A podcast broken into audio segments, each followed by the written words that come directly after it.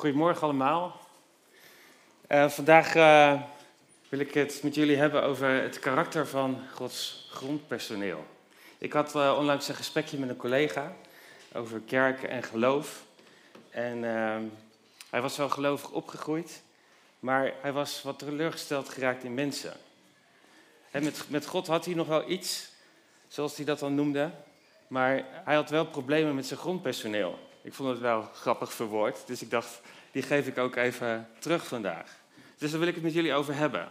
Het karakter van Gods grondpersoneel. En soms mag dat uh, best iets beter, toch, als we heel eerlijk zijn. Als christenen hebben we de opdracht om Jezus te vertegenwoordigen en zijn ambassadeurs te zijn, ambassadeurs van zijn koninkrijk. Dus we zijn het grondpersoneel van God. Nou, ik heb uh, een uh, prachtige foto van een vliegtuig. Nou, stel je die metafoor een beetje voor. Wij zijn het grondpersoneel, een soort wegbereider, wegwijzer voor Jezus de Koning. Die komt, die wil landen op deze plek, hier in onze tijd, in onze stad.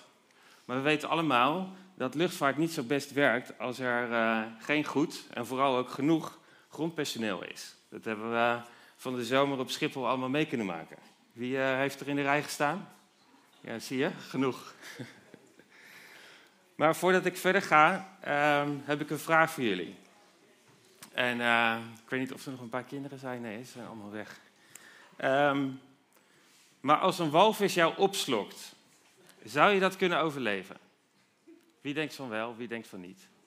Dus doe een duimpje naar beneden als je nee denkt, en een duimpje omhoog als je dat wel denkt. Ik zie een aantal mensen die, uh, die zijn positief ingesteld, denk ik. maar laten we even naar een, uh, naar een filmpje gaan kijken. En dat is, het filmpje laat het bizarre verhaal zien van Michael Packard, een Australische kreeftvisser die dit overkwam, maar het wonder boven wonder overleefde. Dus laten we even kijken. It's the stuff of folklore and biblical legend.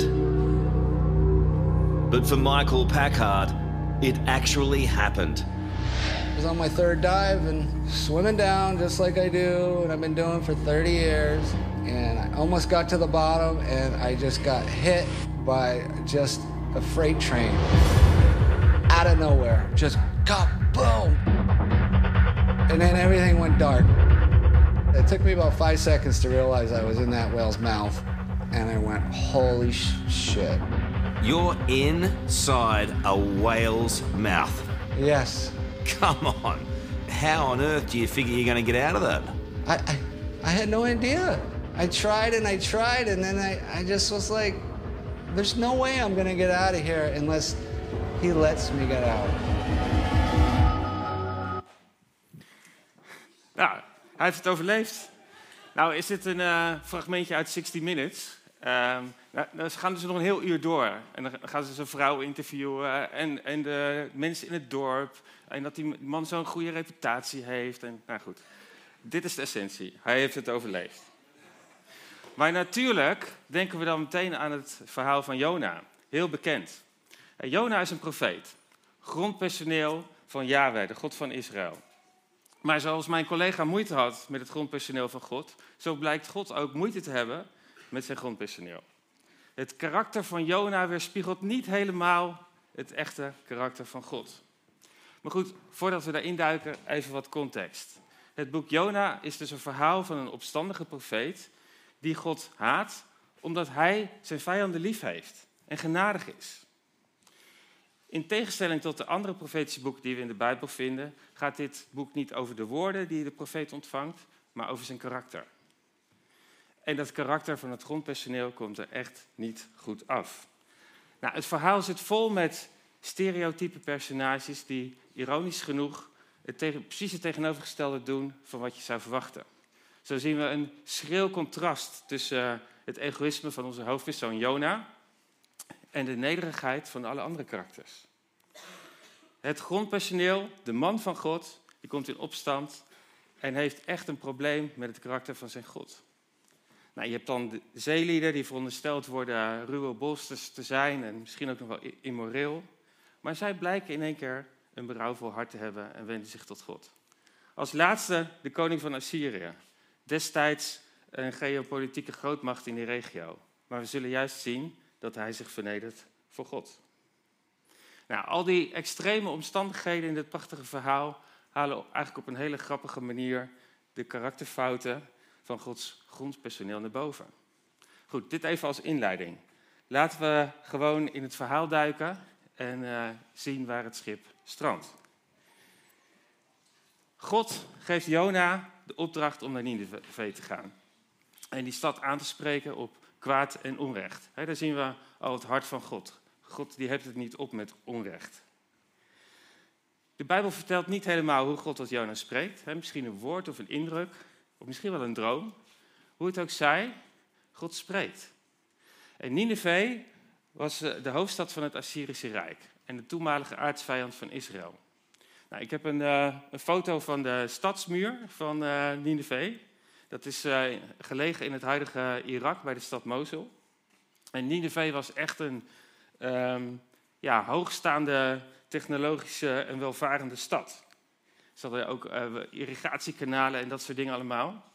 Dat is goed ontwikkeld. Maar ze stonden ook bekend als een bloeddorstig volkje. Er was ook allerlei afgoderij, toverij, allerlei gruwelijkheden. Onrecht dat ten hemel schrijend was. En in het Bijbelboek Nahum kan je zien hoe God dat ontzettend afschuwelijk vindt. Goed, als je die opdracht van Jona naar nu zou vertalen, dan zou je je kunnen voorstellen dat Jona Oekraïens is, dat hij naar Moskou wordt gestuurd om bij Mr. Poetin himself te gaan vertellen dat God echt klaar is met oorlog, met oorlogsmisdaden, onrecht, onschuldige slachtoffers. En dat hij de stad zal omkeren. Wat eigenlijk de facto betekent het einde van Rusland als grootmacht in de wereld. Dus dat is een beetje de context, hoe je de opdracht van Jona kan zien. Maar Jona, die gaat in plaats van naar Nineveh te gaan, precies de tegenovergestelde richting. En hij kiest een schip uit wat naar het westen gaat. Bestemming Tarsis, zo'n 4500 kilometer of De man van God probeert weg te rennen voor God. En hij gaat aan boord. En Jona die, uh, gaat het schip in en dan valt hij in slaap. En God stuurt dan een enorme storm om zijn profeet wakker te schudden. Maar de bemanning van het schip is klaar wakker. Want die moeten de boot op koers houden in de enorme storm. En in die storm en alles wat er gebeurt, zien zij de hand van God. Dit, dit kan niet anders dan dat dat iets met ons te maken heeft. En ze werpen het lot om te bepalen wie de, probleem, wie eh, de oorzaak van het probleem is. En dan valt het lot op Jona. Ze maken hem wakker. En dan moet hij uh, uitleggen hoe het zit. Ik ben Hebreeuws en ik aanbid de Heer, de God die de zee en het droge land gemaakt heeft. Ja, de zee. En als die matrozen dan uh, aan Jona vragen wat ze moeten doen, dan zegt hij: Dood mij maar, gooi me maar overboord. Nou, dat lijkt heel erg nobel, totdat je je realiseert dat dit eigenlijk de ultieme zelfsabotage is. Ik bedoel, wat is er nou een betere manier om te voorkomen dat je echt naar Nineveh moet? Dus hij maakt op deze manier eigenlijk die onschuldige zeelieden medeverantwoordelijk voor zijn einde. Nou, die, mannen zijn eerst uh, een beetje terughoudend, maar goed, de storm die, uh, gaat nog flink tekeer. Ze denken van nou, als we nou ons eerst tot God bekeren, bidden, en dan gooien we hem daarna in zee. Dus dat is wat ze doen. En tot hun verbazing zakt de storm weg. En ze hebben diep ontzag voor de God van Israël. En in tegenstelling tot Jona aanbidden zij wel God. Maar God grijpt opnieuw in. God verijdelt Jona's zelfsabotage. En terwijl Jona steeds dieper zinkt in zijn zeemansgraf, is daar in één keer een walvis die hem opslokt. En zo wordt Jona's diepzeedood toch nog een doorgang terug naar het leven. En verkrampt in de maag van het beest spreekt Jona een gebed uit. Waar hij sec niet in zegt tegen God van nou, het spijt me of zo. Maar hij dankt wel God dat hij hem niet in de steek gelaten heeft. En vanaf nu belooft hij God gehoorzaam te zijn wat er ook gebeurt. Nou, Gods reactie. De vis braakt Jona uit op het land. Nieuwe ronde, nieuwe kansen. God geeft Jona opnieuw de opdracht, dezelfde opdracht, om naar Nineveh te gaan en om de mensen daar aan te spreken. En Jona kan nu niet anders meer dan gaan. Nou, Nineveh, de gigantisch ommuurde stad, hij gaat door de poort de stad binnen en hij deelt Gods boodschap. Maar hij maakt zich er ontzettend makkelijk vanaf. Nog 40 dagen en Nineveh zal omgekeerd worden. Dat is zijn verhaal. Nou, in het Hebreeuws is dat slechts een preekje van vijf woorden. Zo'n korte preek zou je misschien wel iedere week willen hebben. Maar goed, zijn verhaal mist wel een aantal elementen. Hij zegt niet wat de mensen verkeerd hebben gedaan. Hij zegt ook niet hoe ze zouden mogen reageren. En het meest opvallende is dat hij de afzender van de boodschap niet noemt. Hij noemt de naam van God niet. En wat is hier aan de hand? Heeft Jona nou opzettelijk het bare minimum aan informatie gegeven? Probeert hij opnieuw zichzelf te, te saboteren, zodat het oordeel de stad treft? Wat zijn motieven ook zijn, het plan werkt niet. Want zodra hij deze boodschap van vijf woorden uitspreekt, bekeert de koning van Nineveh zich en de hele stad en alle koeien. Dat is ook een grappig detail wat er staat. Dus voor de tweede keer reageren eigenlijk degenen die God niet kennen een stuk beter op God dan Jona, Gods grondpersoneel ter plekke. En dan zien we Gods karakter. Dat God reageert op het berouw van de mensen. Hij toont genade. En God brengt geen vernietiging over de stad. Ja, dan is Jona echt ontzettend pist. Hij voedt het naar God. Bits vertelt hij hem waarom hij überhaupt niet uh, zin had in, de, in deze reis naar Nineveh. Niet omdat hij bang was, maar omdat hij ergens wel wist dat God zo barmhartig en meedogend zou zijn. Hij wist wel dat God een manier zou vinden om deze vreselijke stad uh, te vergeven en meedogend te zijn. En je hoort gewoon de walging in Jona's stem als je het verhaal leest. En Jona is er al helemaal klaar mee. Hij stopt abrupt het gesprek. En hij gaat liever dood. Hij sterft liever dan te leven met een God die zijn vijanden vergeeft. Een God negeert dit hele melodramatische gedoe van Jona en roept hem op tot wat zelfreflectie. Kijk eens naar binnen. Klopt het wel dat je zo boos bent? Is dat terecht? Maar nu is het Jona die God negeert. En Jona gaat op een eh, nabijgelegen heuvel zitten en wacht af wat er met de stad gaat gebeuren. Hij kan het gewoon niet geloven dat God van gedachten is veranderd en een ander besluit heeft genomen. Dus hij gaat gewoon lekker 40 dagen zitten wachten op vuur uit de hemel. Maar wat daarna gebeurt is heel vreemd. Want God laat een boom groeien. Want hij zit daar in de zon. En die boom die brengt schaduw. En uh, voor het eerst zien we dan dat onze nogal chagrijnige hoofdpersoon toch een beetje gelukkig wordt van de schaduw die die boom geeft. Maar de volgende dag stuurt God een klein wormpje in de boom, die uh, de boom opeet, waardoor die verdort. En daar in de hitte van de zon is Jona opnieuw gefrustreerd en vraagt of God hem wil doden. Opnieuw vraagt God, een beetje zelfreflectie, Jona.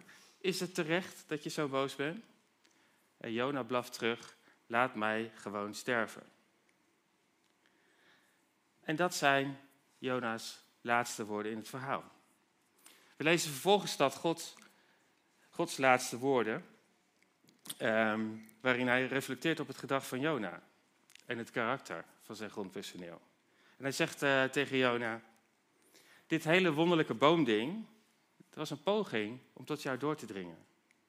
Je was begaan met die wonderboom waar je maar een dag van genoot? Maar zijn die mensen in de stad Nineveh niet wat waardevoller dan dit boompje? Is het niet terecht dat ik dezelfde soort emotie voel over deze grote stad met meer dan 100.000 mensen en dieren die volledig de weg kwijt zijn? En zo eindigt het boek Jona. En blijft Gods vraag in de lucht hangen. God die zijn grondpersoneel toestemming vraagt om zijn genade te tonen aan zijn vijanden. Nou, dat brengt mij bij de eerste takeaway van vandaag. Dit verhaal laat zo ontzettend zien wie God is. God is barmhartig, liefdevol, geduldig, genadig en trouw.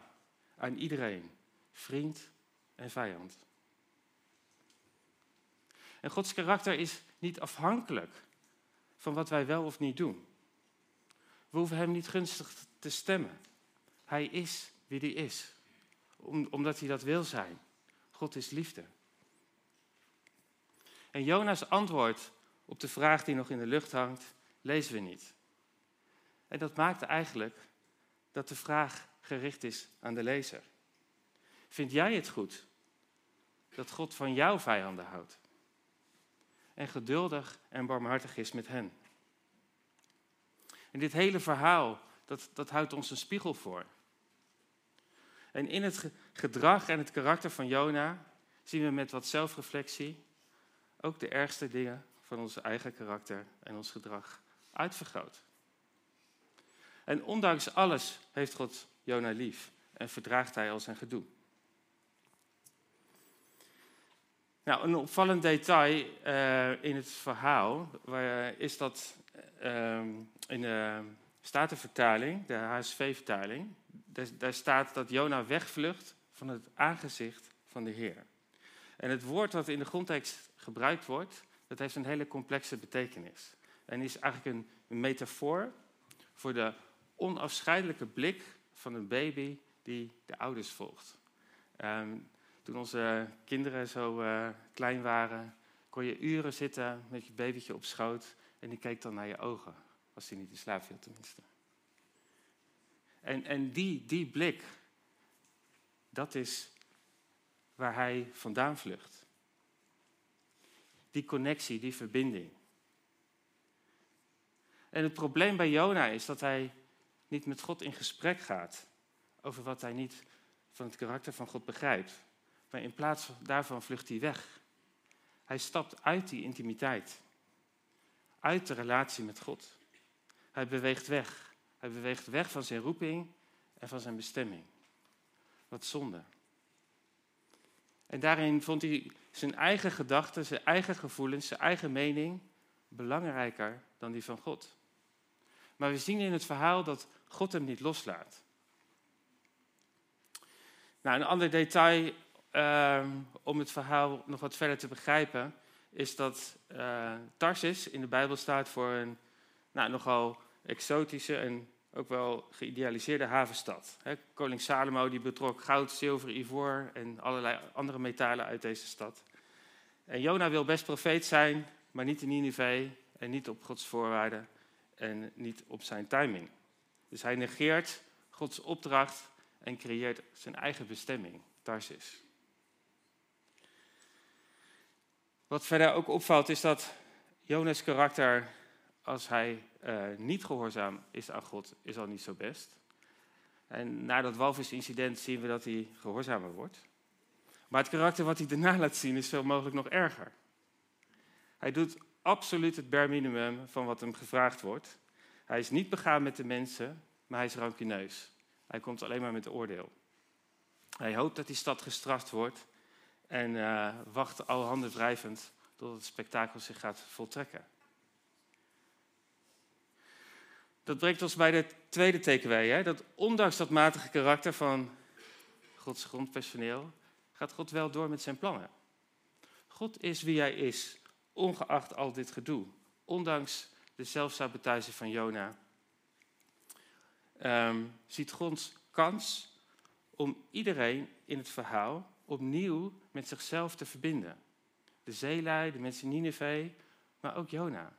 En zo is God. En soms kun je denken dat je het helemaal verprutst hebt, omdat je keuzes gemaakt hebt die je niet terug kan draaien. Maar dan mag je weten, God staat boven jouw keuzes. En hij heeft de regie in handen. Wat kunnen we nog meer leren van dit verhaal? Gods grote opdracht aan zijn grondpersoneel. Niet alleen Jona heeft een opdracht van God ontvangen, maar ook iedereen die zichzelf ziet als een volgeling, een leerling of een vertrouweling van Jezus. Iedereen die naar zijn stem luistert. En natuurlijk zien we onszelf graag als zo iemand. Maar Jezus is niet zo onder de indruk van de beeldvorming die we soms over onszelf hebben, als het niet echt zichtbaar is. Ieder die mijn woorden hoort en ze doet, is een verstandig man, zegt Jezus. En God is op zoek naar grondpersoneel dat niet alleen die woorden hoort, maar ze ook doet. En dit is de opdracht. Jezus zegt, mij is alle macht gegeven in hemel en op aarde. Ga dus op weg. Maak alle volken tot mijn leerlingen. Door hen te dopen in de naam van de Vader en de Zoon en de Heilige Geest. En hen te leren dat ze zich moeten houden aan alles wat ik jullie heb opgedragen. En houd dit voor ogen. Ik ben met jullie. Alle dagen. Tot aan de voltooiing van deze wereld. Dit is onze opdracht. Hoe brengen wij die in vervulling? Ook wij kunnen in beweging komen als we dingen van God horen, net als Jona. Misschien gaan wij ook wel op reis, geven een hoop geld uit, maar kiezen we zelf de bestemming uit. Is er een Tarsus in jouw leven? Ben jij op een bepaalde manier op de vlucht voor de grote opdracht? Kijk, als je jezelf nog niet ziet als een volgeling, als een leerling, een vertrouweling van Jezus, dat kan. Misschien zie je jezelf niet als Gods grondpersoneel, als iemand die Hem vertegenwoordigt in het hier en nu, dat kan. En dan zijn misschien deze woorden nog niet tot jou gericht. Maar dan zijn er in het hart van Jezus andere woorden. Kom. Kom bij mij. Volg mij. En trek met mij op. Leer van mij. Maar ook keer je om en ga fundamenteel anders denken. Want Gods koninkrijk is hier. Of misschien zie je jezelf wel als Gods uh, grondpersoneel. Maar hou je er net als Jona toch gewoon fundamenteel andere mening op na. En dat kan, en denk zeker in deze tijd, we hebben allemaal wel dominante meningen, toch? Als je social media moet geloven, dan lopen ze ook nog wel flink uit elkaar. Maar er zijn ook genoeg dominante meningen onder christenen die niet het hart van God reflecteren zoals we dat vinden in de Bijbel. Genoeg eigen wil onder gelovige mensen. En laten we dan de woorden van Jezus ter harte nemen. Niet iedereen die Heer, Heer zegt tegen mij, zal het koninkrijk van de hemelen binnengaan. Alleen die handelt naar de wil van mijn hemelse Vader. Het kan zijn dat je, net als Jona, radicaal aan de andere kant op gegaan bent. Of misschien heb je net als Petrus Jezus verlogend in relaties en gezegd dat je hem niet kende. Of dat je, nou ja, over een ander onderwerp bent begonnen of zo. Ook dan zijn er woorden in het hart van Jezus voor jou. Opnieuw, houd je echt van mij. Ja, Heer, u, u weet dat ik van u houd. Dan mogen we Jezus horen zeggen, wijd mijn schapen. En dan krijgen we de opdracht en de, de bediening weer terug. Maar misschien ben je net als Jona wel klem komen te zitten in de omstandigheden van je leven waar je misschien ook wel de hand van God in kan zien. Een situatie waar je niet uit kunt ontsnappen. Misschien ook wel een situatie die bedoeld is om je wat te leren. En als Jona in die situatie zit, dan zien we toch nog een beetje karakter bij hem. Wat ik net al zei, niet dat hij zijn fouten toegeeft, maar hij bidt en hij aanbidt God. Hij roept het uit. En dat brengt ons bij de vierde takeaway. God hoort en verhoort de schreeuw van ons hart, de schreeuw uit de diepte. Ondanks ons slechte gedrag en dubieus karakter van tijd tot tijd.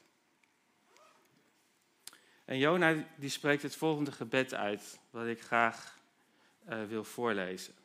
En dat is een gebed um, ja, wat echt gaat over doodsangst. In mijn nood riep ik de Heer aan en hij antwoordde mij. Uit het rijk van de dood schreeuwde ik om hulp. U hoorde mijn stem. U slingerde mij de diepte in, naar het hart van de zee. Kolkend water heeft mij omgeven, zwaar sloegen uw golven over mij heen. Ik zonk naar de bodem, waar de bergen oprijzen, naar het rijk dat zijn grendels voorgoed achter mij sloot. Maar u trok mij levend uit de dood omhoog. O Heer mijn God. Toen mijn levensadem mij verliet, riep ik u aan. Heer, en mijn gebed kwam tot, tot u in uw heilige tempel. Nou, dit gebed dat wijst op een profetische manier naar het lijden en sterven van Jezus. Die ook in de diepte van de dood is neergedaald om ons te verlossen en vrij te maken. En in de diepte van deze situatie komt Jona opnieuw in contact met zijn roeping. Met zijn grote opdracht om de woorden van God te ontvangen en die opnieuw door te geven. Bijzonder is dat.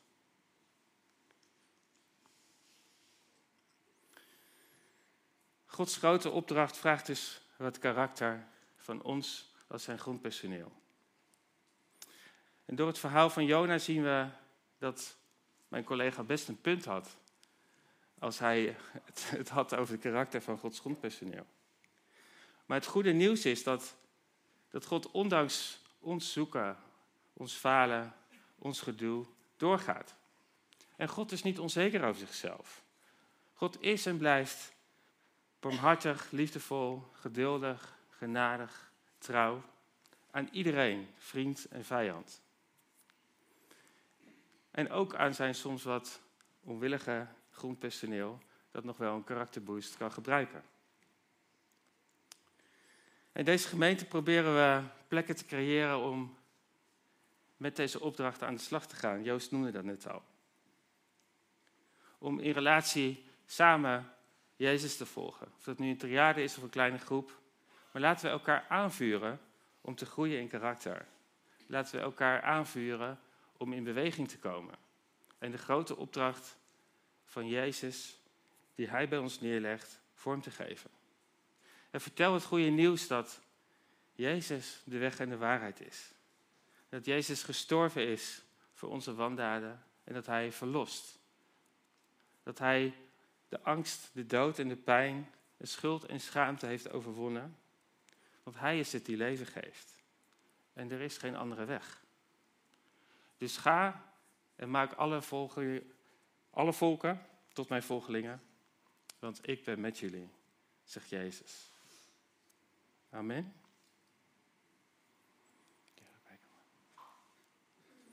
Goed, zullen we gaan staan voor God?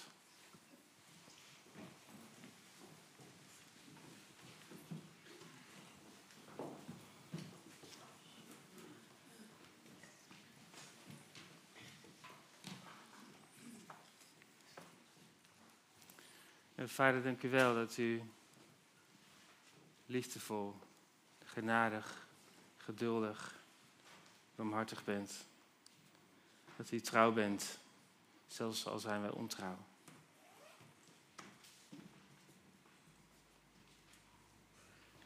En vader, ik bid dat u, uh, dat u komt met uw Heilige Geest. En dat u, uh, ja, dat u ook tot ons spreekt, Heer.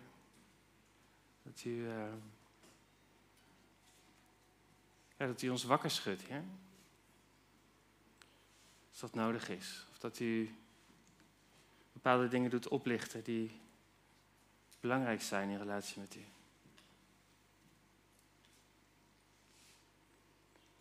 Heer, ik nodig u uit om uw waarheid te spreken in ons hart. Heer, dank u wel dat u genadig bent en dat u, uh, ja, dat u vooruitkijkt en dat u uh, ja, de dingen die uh, niet oké zijn, heer, dat u die in hun nabijheid achter ons mogen laten. Dat u, dat u ons die dingen ook niet nadraagt, Heer. Dat u, dat u ze zelfs vergeet.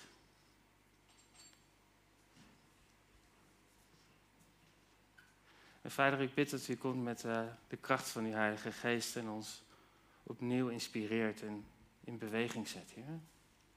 Om te volgen, gehoorzaam te zijn, om te zoeken, om te vinden, om in beweging te komen.